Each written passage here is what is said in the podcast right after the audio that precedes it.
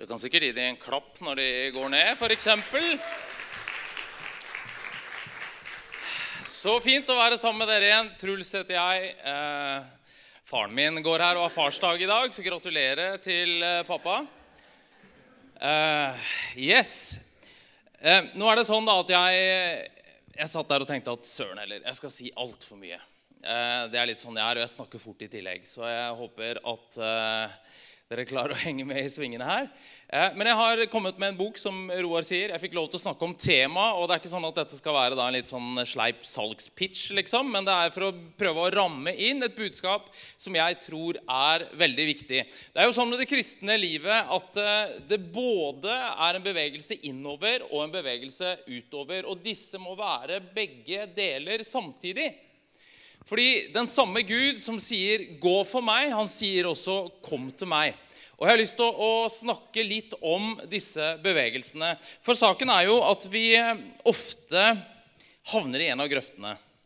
Du får de som liksom er eh, på og ekstremt opptatt av skal, skal gjøre mye. De som hører bøker om mindfulness på dobbel hastighet liksom på, på appen sin, eh, og ikke for sitt bare liv kan forstå hvorfor én kvinne trenger å gå gravid i ni måneder. For kan ikke ni kvinner gå gravid i én måned, liksom, og så blir vi ferdig med det? Og de trenger jo lære seg å roe ned. Og så har vi de andre som liksom har tatt inn i, på den åndelige spa-avdelingen med Jesus-meditasjon og urtete og bare sitter liksom og dyrker det indre livet. De trenger en støvel bak og komme seg ut. Og så må vi prøve liksom å finne balansen her, og da tror jeg vi trenger rytmer. og det er det jeg har lyst til å snakke litt om. Og bare for å si noe på tittelen på boka, da, Den har selvfølgelig ingenting med korona å gjøre. Var det noe vi var, så var det vel å være hjemme. Eh, og det er heller ikke en sånn bekjennelse at vi skulle være hjemme, men vi var ikke hjemme. Sånn som broren til kona mi foreslo at jeg kunne skrive en bok til som heter 'Men vi brukte ikke munnbind'. Men eh, den kommer ikke.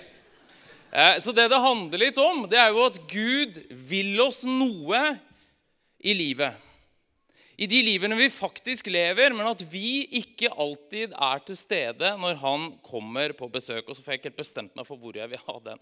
Skal den stå der eller der? Jeg får bare jeg landa den nå. All right, så med denne innledningen så var det sånn at jeg for en sommer for noen eh, år siden fikk et litt sånn anfall av intellektuelt overmot. Nei, den må stå der. Jeg kjente det. Jeg må gå her. Jeg har sikkert OCD og et eller annet greier, men uh, jeg er ikke medisinert, så den får stå der. Jo, En sommer for noen år siden så fikk jeg et anfall av intellektuelt overmot og tenkte nå skal jeg lese ordentlig litteratur.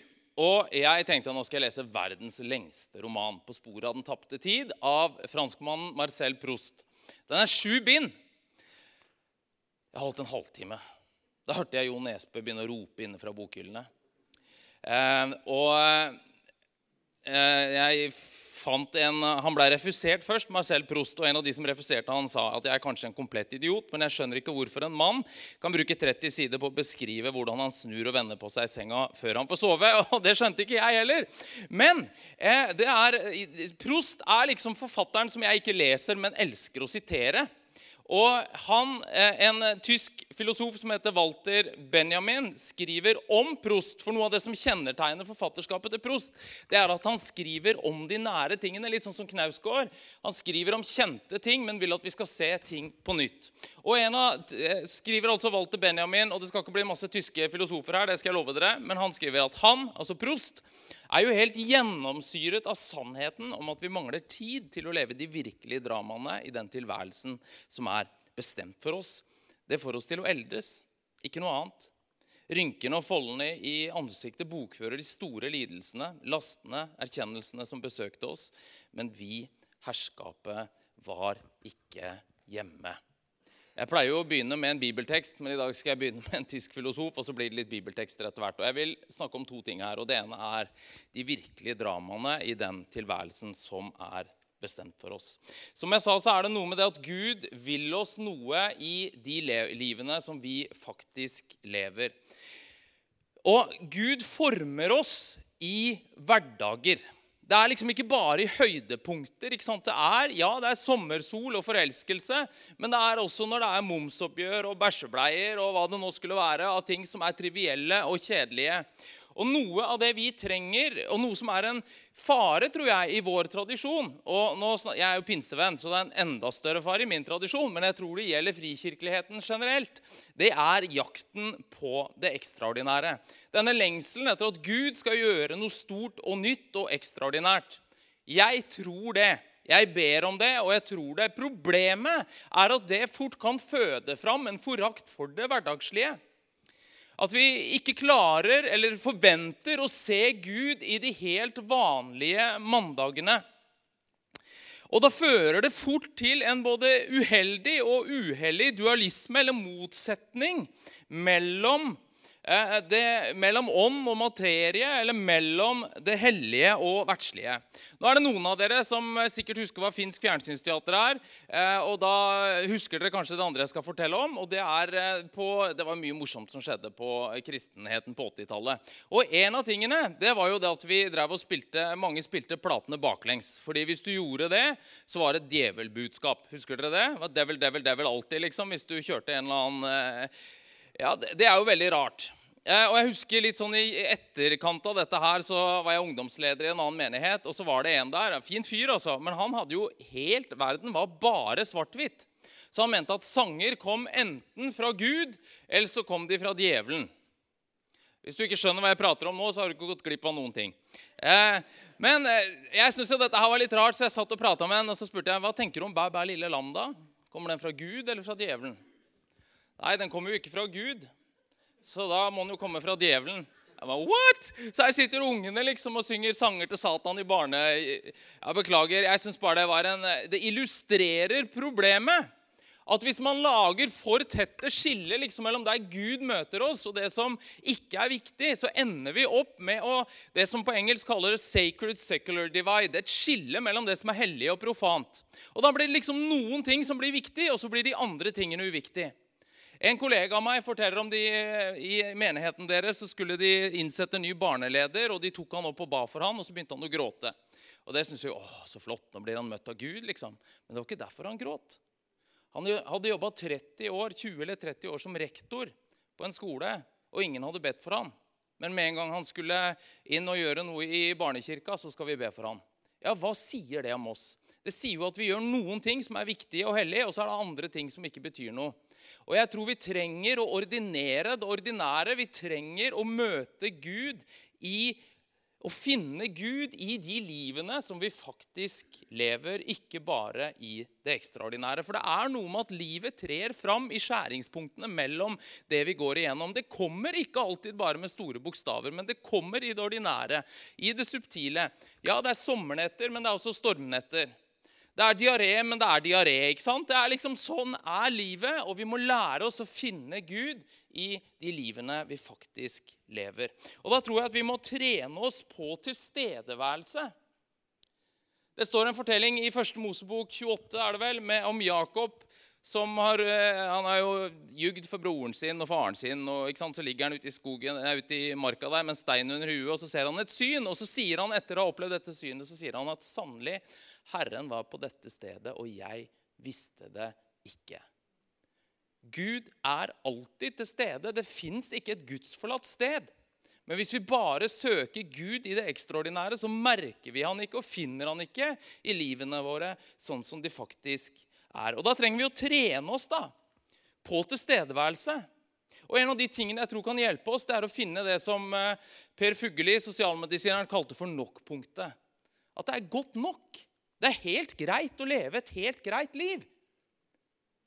Det er jo nesten å legge på røret og abdisere i vårt samfunn hvor alle skal opp og fram. ikke sant? Det er jo noe av problemet i kulturen vår. Vi er skapt i Guds bilde. Det er vårt adelsmerke. Men det er også vår akilleshæl. For det betyr at vi bærer lengsler i oss etter å gjøre store ting, etter å oppleve noen ting, og det overstimuleres i kulturen vår. Det er som Andy Warhol, kunstneren, sa på 1960-tallet, at i framtida skal alle søke sine 15 minutes of fame. Vi må opp og fram. Vi bygger identitet utenfra med likes og hurrarop fra alle andre. Det er et veldig skjørt livsprosjekt. Det sier jo sitt at det var flere søkere I 2014 så var det flere søkere i Sverige til Paradise Hotel enn til landets lærerutdanninger. Det sier alt.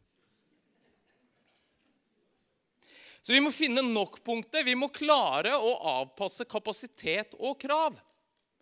Dette har vært veldig personlig for meg. Jeg har fibromyalgi. Det er noe drit. Det gjør vondt her og der. Jeg skulle gjerne skrevet bøker, flere bøker enn det jeg gjorde. Jeg, får, vi måtte, Gro og jeg trådde til side som hovedpastor i Sjalt Skjena, for det blei for mye for meg. Det er jo noe drit. Det var jo ikke sånn vi ville det skulle være. Men du må tilpasse kapasitet og krav. Du må finne Gud der hvor du faktisk er. Og vi må forvalte det vi er gitt, ikke gråte over det vi ikke fikk. Og så tror jeg dere at vi kan også bruke, Det er noen ting vi kan gjøre da, for å trene oss i dette her. Og Det ene er jo å prøve å se, som Marcel Proust sa, da, han som jeg ikke leser, men bare siterer, at eh, oppdagelse, sanne oppdagelsesreiser dreier seg ikke først og fremst om å se nye steder, men om å se, nye, å se steder med nye øyne. Og dere, Hva om vi klarer å liksom se de livene vi faktisk lever? Stedet hvor vi bor. Ting som er, virker hverdagslig og trivielt. Hva om vi lærer oss til å bli til stede i det? Her er et forslag til en øvelse. Gå en tur ned i byen. Sett deg på en kafé eller på en benk. Bare sitt og kikk på folk. Ikke stirr sånn at det ringer til politiet. eller noe sånt. Det må du ikke gjøre. Men begynn å be for de som går forbi. Og når du kjenner at nå har jeg sittet lenge nok, da sitter du litt til. For da knekker du ryggen på hele det der maset. Eller eh, det som John Ortberg, en amerikansk forfatter og predikant, kaller for slowing. Sakking. Det å bevisst gjøre ting sakte. Jeg er utålmodig.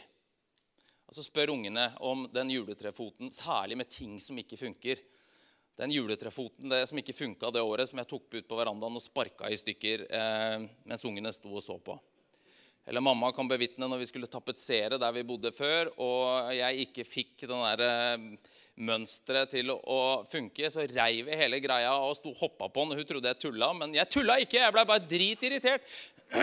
Eller hva med alle disse bilturene da, som liksom, hvor det alle, jeg må passe, jeg må passe, jeg blir revet med bare jeg snakker om det. Men liksom når du De som ligger under fartsgrensa i svingene. Og så fort det blir en rett strekning, så gir de bånn gass. Du kommer aldri forbi. Uh, dette er terapi for meg. Takk for at dere får sende faktura på sjelesorg. Det her er godt å få ut. Men vet du hva? Det John Ortberg sier, det er ja, men bruk det bevisst. Sett deg frivillig i situasjoner hvor ting må gå sent. Still deg i den lengste køen på butikken. Legg deg i den innerste filen på motorveien. Hvorfor det? Jo, for du tvinges til å roe ned. Du tvinges til Og jeg, jeg har blitt bedre, har jeg ikke det, Gro? Vi hadde en biltur i sommer som nok kunne vært ganske godt i fistel, men jeg klarte tror jeg bare hadde to utbrudd underveis. som er, Jeg har også begynt å ringe politiet hvis ikke noen kjører av. Det har også funka veldig fint. Men uh, det å bevisst sette seg i situasjoner hvor man må roe ned, så vi blir til stede der hvor vi faktisk er. Ok, så Hvis du ikke klarer å henge med her, og det skjønner jeg veldig godt, så er det altså vi mangler, Hva er det det står? De virkelige dramaene i den tilværelsen som er bestemt for oss. Og Det ene problemet tror jeg er liksom jakten på det ekstraordinære. En annen fare i vår tradisjon det er aktivismen. Vi tror jo, og jeg tror det 100% at Gud er ikke bare sånn at vi skal sette oss tilbake, og så skal Gud gjøre alt i verden. Gud har, når Gud vil gjøre seg kjent i verden, så har han valgt ut et folk. Hva vi gjør som kristne og troende, har noe å si. Baksiden av den medaljen er jo det at Gud får jo ikke gjort stort om ikke vi gjør noe. Og Da ender jo Gud opp som en sånn type halvfabrikat liksom, som eh, kun blir hel når vi sliter oss ut for hans navn. Jeg må jo si som, eh, som kristen leder at jeg har jo vært ganske stressa. Og hør meg riktig nå for at, folk, liksom, at mange har lagt seg til vaner i koronatida hvor det ble veldig mange Netflix-serier, og man liksom har funnet en eller annen sånn type Nå må vi roe ned. Jeg tror jo ikke det er sånn generelt at vi trenger å ta tida tilbake. Dere, Det er så store behov i byen vår, i landet vårt, i verden vi er en del av. Vi trenger ikke færre hender i arbeid, vi trenger flere. Men saken er at vi må finne en balanse vi må finne rytmer av å både strekke oss ut og trekke oss tilbake, sånn at vi kan holde ut lenge. Og Det er det andre punktet jeg har lyst til å legge vekt på her. Altså, Vi mangler tid til å leve. Eh, og nå vil jeg hevde da, at For de aller fleste, og jeg tror jeg har forskning på min side, så er ikke problemet først og fremst tid. Det er britisk forskning for eksempel, som viser at briter aldri, og, eller folk i den vestlige verden har aldri hatt så mye tid. Både fritid og fritid til frivillige aktiviteter. Eh, og En del kristne bøker synes jeg lager en sånn elendighetsbeskrivelse av hvor forferdelig det er. Problemet er at vi må verne rett type tid. Vi må ta tilbake det som Thomas Hylland Eriksen beskrev som langsom tid. Vi må blokke ut tid hvor vi kan tenke lange tanker. Fordi det er noen ting er skapt for å gå treigt. Du trenger ikke å forte deg gjennom en solnedgang på samme måte som en bruksanvisning fra Ikea eller gjennom en Beethoven-symfoni som en tunnel på Vestlandet. Noen ting skal gå sakte. Og vi trenger å verne den langsomme tida. Vi trenger å temme tiden. En kompis av meg snakker om å leve med marg. Noen av oss er jo så gamle at vi drev med sånn håndskrift på skolen. Jeg husker når vi fikk boka, Det første vi gjorde, det var å tegne opp en marg. Er det noen som husker det her? Ja. Der var det Amen. Hold over 40. Og hvorfor skal vi ha den margen? Det er fra et miljøperspektiv. Vi burde jo ikke ha marg. Vi bruker jo mer papir. Vi burde jo skrive helt ut i alle kanter. Nei, hvorfor hadde vi marg? Jo, Det var jo for at læreren skulle kunne gi noen kommentarer på sida. Vi trenger å ha marg i livet, dere. Vi trenger å passe på at det er ikke fyller livet så mye at det ikke fins noe plass for at Gud kan gi oss kommentarer. For at vi kan se at vi gjør de rette tingene, at vi kan reflektere over at det faktisk er Kristus vi følger, og ikke bare en eller annen karikatur som har fått tak i mikrofonen. Og Skal du vite det, så trenger du å ta et steg tilbake av og til. Jeg er en junkie etter bokstavrim. Jeg innrømmer det med en gang. Det er sikkert også noe som trengs å medisineres. Men eh, den ene tingen som jeg tror kan hjelpe oss å temme tiden, det er søvn. Vet du, Søvnen er jo under press i vår tid. Eh, noen har snakka om det døgnåpne mennesket. Fordi vi kan jo være på hele tida. Eh, Arne Johan Vettelsen, en filosof, han snakker om at det er akkurat som vi ikke slås helt av. Vi settes bare i dvalemodus. Og Vi skulle jo alltid gjort mye mer på kvelden, så vi, søvnen blir en salderingspost. Vet du hva? Jeg tror at søvn er en åndelig øvelse. Det å legge seg i tro til Gud, at han holder verden oppe, er noe vi må trene oss i. Og Søvnen minner oss om at vi er lagd av støv og ikke stål.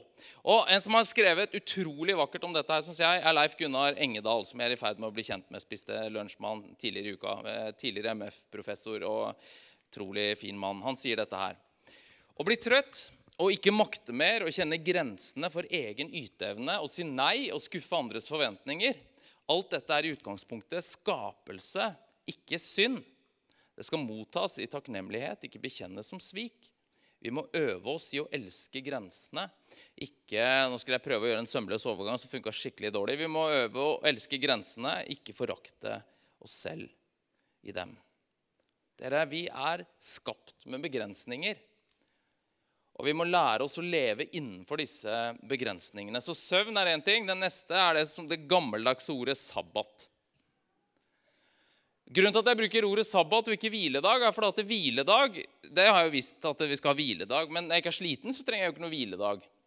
Men sabbat betyr ikke hvile. Sabbat betyr stopp.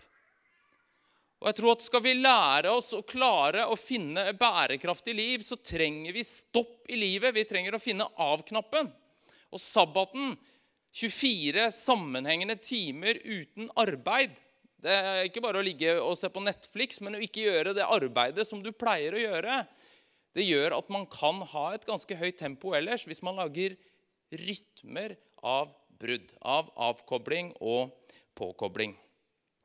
Og så skal vi ikke tilbake dit liksom, som tidligere generasjoner har opplevd, hvor det var eh, synd å bruke saks på søndag og alt dette her. Altså Sabbaten er, eh, som eh, Eugene Peterson, hva er vi skal gjøre, en amerikansk forfatter, sier, hva er sabbaten er til? Praying and playing. Det er bønn og lek. Bønn og le. Og vi må passe på at hviledagen, sabbaten, ikke tas til fange av grenseløse hedonister som bare skal nyte, men ikke be, eller humørløse pietister som bare skal be og ikke ha det gøy. Men vi trenger å verne hver uke. er vi virkelig kanskje den viktigste vanen jeg vil oppfordre til. Sett av 24 timer i uka hvor du ikke gjør jobben din. hvor du har tid til å sitte lenge. Og jeg sitter og drikker kaffe og spiser julekake med masse smør og leser bøker. Og så blir jeg lei etter hvert, og så må jeg finne på noe annet. Men det å lage en rytme av å sette en stoppknapp, det tror jeg er eh, utrolig viktig. Og så eh, siste S-en her er stillhet og solotid, som er en oversettelse av solitude på engelsk. Dere, vi trenger å ha perioder med stillhet og ro. Og hør meg riktig, da. Jeg sier at dette er rytmer. Vi trenger også å gjøre noe. Vi trenger å engasjere oss. Vi trenger å være framoverlent. Vi bør engasjere oss i menigheten. Vi bør engasjere oss i samfunnet. Men vi trenger rytmer av å lene oss, strekke oss ut og trekke oss tilbake. Og En av mine favorittsitater det er dette her av en indisk aktivist som heter Arun Hati Roy. Hun sier at en ny verden er ikke bare mulig, hun er allerede på vei. På en rolig dag kan jeg høre henne puste. På en rolig dag. Altfor ofte er det eneste vi hører, peset av vår verden rundt oss av reklamekampanjer og alt mulig skrot som bare tuter oss ørene fulle og sjelene tomme av hva vi burde være og hvor vi skulle vært. og alt mulig. Vi trenger å verne noe tid for å trekke oss rolig tilbake. Og dere, Tid alene er ikke tid for seg selv. Tid alene er en forutsetning for å kunne gjøre noe i verden rundt oss. Ikke bare for oss, men for mennesker rundt oss. Og Derfor er det sånn at mystikeren og aktivisten de må finne sammen. Vi må liksom klare å ha denne balansen mellom det indre kontemplative livet og det aktive livet for verden rundt oss. Og Jeg skal snart slutte nå, men en eh, mann som har snakka veldig godt om dette, her, det er en som heter Henry Nowen, som noen av dere sikkert har lest noe av. Eh, opprinnelig fra Nederland, men brukte store deler av karrieren sin i USA, hvor han, han, var både teolog og psykolog. Og I denne boka her, som heter The Living Reminder, så løfter han fram et begrepspar som jeg syns er fantastisk bra. Og det er at Han snakker om det som han kaller eh, for Ministry of Presence, altså tjeneste gjennom nærvær. Og Det dreier seg om at vi skal være aktive. Det dreier seg om at vi skal være der for andre. Og det trenger vi. Og det trenger virkelig Kirken å løfte opp. Fordi vi blir så fort satt fast i det som Luther og Augustin kalte beskrev synd som in, Jeg hører jeg blir litt høyskolelærer her. Jeg håper dere bærer over med det. Men de snakka på latin om incurvatus in se, det å være innkrøket i seg selv. Og du vet, Gravitasjonsfeltet fra vårt eget lille liv er så sterk i vår kultur at vi sitter så fort med, navlen, med nesa i navlen, liksom, og det er bare oss. Vi trenger å strekke oss ut. Men så snakker han også om ministry of, of absence, altså tjeneste gjennom å trekke seg tilbake. Dere, vi trenger begge deler. Fordi vi har en Gud som sier, 'Kom til meg' alle dere som bærer tunge byrder, kom til meg. Og så har vi også en som sier, gå derfor ut. Og Vi trenger begge deler. og Skal vi gå ut for å ha noe å gi, så må vi først trekke oss tilbake. For skal vi forandre verden, så må vi først bli forandra i relasjonen med Jesus. All right. Da blir det ikke mer powerpoint. Da kan jeg bare stå her. Og da er det sånn dere at Tiden med Gud er jo heller ikke bare noen forutsetning for tjeneste. Sånn tenkte jeg ofte. Jeg må jo be for å kunne ha noe å gi. Jeg må jo lese Bibelen så jeg kan holde en preken. Ja, Men da blir jo tilbedelsen instrumentell. Da er det noe jeg bare gjør for å kunne ha noe å gi. Tid alene med Gud er tjeneste. Vi er jo skapt til fellesskap med Gud. Ok, Nå skal jeg avslutte, og jeg skal gjøre det med en appell. Fordi og Jeg har lyst til å ta opp det som jeg har sagt eh, mange ganger her nå. Altså, Vi må ikke Når vi snakker om åndelige rytmer og vaner, vi må liksom ikke bare lande i den åndelige spa-avdelingen. For saken er det at kristen spiritualitet eller åndelighet eller fromhetsliv det er, står i spennet mellom å trekke seg tilbake og strekke seg ut. Det å bli mer lik Gud er ikke å bli mindre lik verden ved at vi ikke skal ha noe med den å gjøre. Det er å komme til Gud, formes i hans bilde, gå ut og forandre den. Og så er det som pust. ikke sant? Du må puste inn, og du må puste ut. Hvis du bare puster inn, hvis du bare sitter for deg sjøl, så blir du oppblåst. Det er jo noen som har blitt. Og hvis du bare puster ut, så blir du tom. Vi må gjøre begge deler. Jeg har en bok hjemme som heter 'Spirituality for the Sent'. Jeg synes Det er så god tittel. 'Åndelighet for de som er sendt'. Fordi kristen åndelighet handler ikke om de som bare er spent. De som liksom skal få den siste rykningen. Det er kanskje mer problem i pinsebevegelsen, da, men eh, som liksom bare skal få en ny åndelig opplevelse. Det er åndelighet for de som er sendt. Vi er sendt med gode nyheter til hele verden. Og skal vi ha noe å gi, så må vi også trekke oss tilbake for å bli fylt av Gud. Og Jeg skal slutte med en lignelse som Jesus fortalte, som jeg har snakka om her før også. Det er den som står i Lukas 15, om en far som har to sønner. og En dag så sier den ene Dette er jo en fryktelig lignelse på Kommer ikke til å skje, pappa. På, eh, på farsdagen. Men en dag så går den yngste og sier til far at 'jeg vil ha min del av arven'. Og far må gjøre opp boet. Han gir halve, halve arven til den ene sønnen, og han stikker av gårde til et land langt borte, står det i Lukas. Et land langt borte. Og Der sløser han bort alle pengene, hele farsarven, på piker, vin og sang. Så blir det slutt på penger, det blir hungersnød i landet, og han er helt fattig og han ender opp med å mate grisene og vil gjerne spise grisemat. Og så står det da kom han til seg selv. Og så tenker han at selv tjenerne hjemme hos far har det bedre enn jeg har nå. Så han begynner å forberede en forsvarstale i hodet sitt som går sånn som dette her. Jeg har syndet mot himmelen, og mot deg jeg er ikke lenger verdig å kalles din sønn, men kan jo ikke i hvert fall få arbeid hos deg. Og så begynner han å gå hjemover, og så står det om far som står og ser etter ham, og ser han på lang avstand. Og så springer han i møte, bryter all kutyme for voksne menn på denne alderen her, og kaster seg rundt, rundt han og kysser han og gir han sko på føttene og ring på fingeren og drar i gang en fest. Og dere, Det sier noe om en Gud som tar imot oss uansett hva vi har satt i gang. Men det er ikke bare fest, for det er en sønn til. Det står at han er ute på markene, men han er egentlig helt på jordet, for han har bodd hjemme hele tida. Men nå blir han sint på pappa, fordi nå kommer den der andre drittungen hjem. liksom, Og da blir det fest. Men jeg som har vært her hele tida og tjent deg trofast Du har ikke slakta en sau engang for meg! Og så sier far at eh, barnet mitt, du er alltid hos meg. Alt mitt er ditt. Det er som en tretrinnsrakett av kjærlighet som burde skutt han ut på en reise i et univers av kjærlighet, men isteden så blir han stående på utsida og vil ikke gå inn. Og mange av oss har jo vært i den kategorien også. Søren heller, noen må jo holde liv i ting her, liksom. Må jo være trofaste og har en sånn transaksjonsforhold til Gud som er liksom sånn Jeg gjør det for deg, og du gjør det for meg.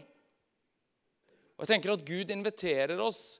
Jeg vet ikke hvor du er, vet ikke, jeg veit hvor jeg er, men eh, vi kan jo være som begge disse sønnene. At vi har rota oss bort, og vi kan komme tilbake til fars kjærlighet. Eller at vi ikke har rota oss bort, men vi har blitt noen sånne prektige petimetere og martyrer som bare går rundt og er sur på alle andre som slipper billig unna, for vi har jo tjent Gud trofast hele livet. I alle tilfeller så kan vi komme hjem til en far som møter oss med kjærlighet. Men så sier Henry Noven noe som jeg syns er veldig bra, at målet Vi kan være begge disse to, men målet er at vi skal bli som far. Målet er at vi skal komme hjem i livet. Og at vi skal være hjemme på en sånn måte at vi står og venter og springer andre i møte som trenger å møte Gud. Og så skriver Noven som far blir jeg ikke lenger kalt til å komme hjem som den yngste eller den eldste sønnen, men til å være der og ta imot villfarne barn med glede. Det er veldig vanskelig å bare være hjemme og vente. Det er å vente i sorg over dem som har reist, og vente med håp om å kunne tilgi og gi nytt liv til dem som vil komme hjem. Å leve ut dette åndelige farskapet krever den radikale livsholdningen å få bli hjemme. Dere, det å komme hjem i livet er ikke å bli hjemmesitter. Det er å bli som far. Og fins det noe bedre tidspunkt å snakke om det enn på en farsdag? Vi kalles alle til å bli som far, til å bli åndelige foreldre, til å være noen som lever for flere enn oss selv. Ja, vi har blitt tatt imot med kjærlighet, men vi kalles også til å ta imot andre med kjærlighet. Vi sendes ut for å gi dette livet som Gud har gitt oss, til andre. Vi må komme hjem, men vi skal også invitere andre til å gjøre det samme. La oss be. Herre, takk at du er en sånn god far som tar imot oss i kjærlighet uansett hvordan vi har rota det til. Og du kjenner oss som er her nå, bedre enn vi kjenner oss selv. Og jeg ber om at du skal tale til hjertet til hver enkelt av oss. Om vi har vært på, land, på reise til landet langt borte, så dra oss hjem til deg. Om vi har vært som andre sønnen som sitter sure og forsmådd i benkeradene, så dra oss hjem til deg. Men Herre, hjelp oss også til å komme hjem i vårt eget liv, så vi kan stå og ta imot og strekke oss ut mot dem som trenger deg. Det ber jeg for oss som individer. Det ber jeg for denne menigheten, det ber jeg for den menigheten jeg tilhører, for menigheten i byen her. At det kan være sånn at det fins fellesskap og fins mennesker rundt, gjennomsyret i hele Grenland av folk som strekker seg ut fulle av din kjærlighet og gir ditt liv til andre. Amen. Ok, Da skal vi skal bandet komme opp og synge litt mer, og så er det mulighet for å få forbønn. Var det bak der, Roar?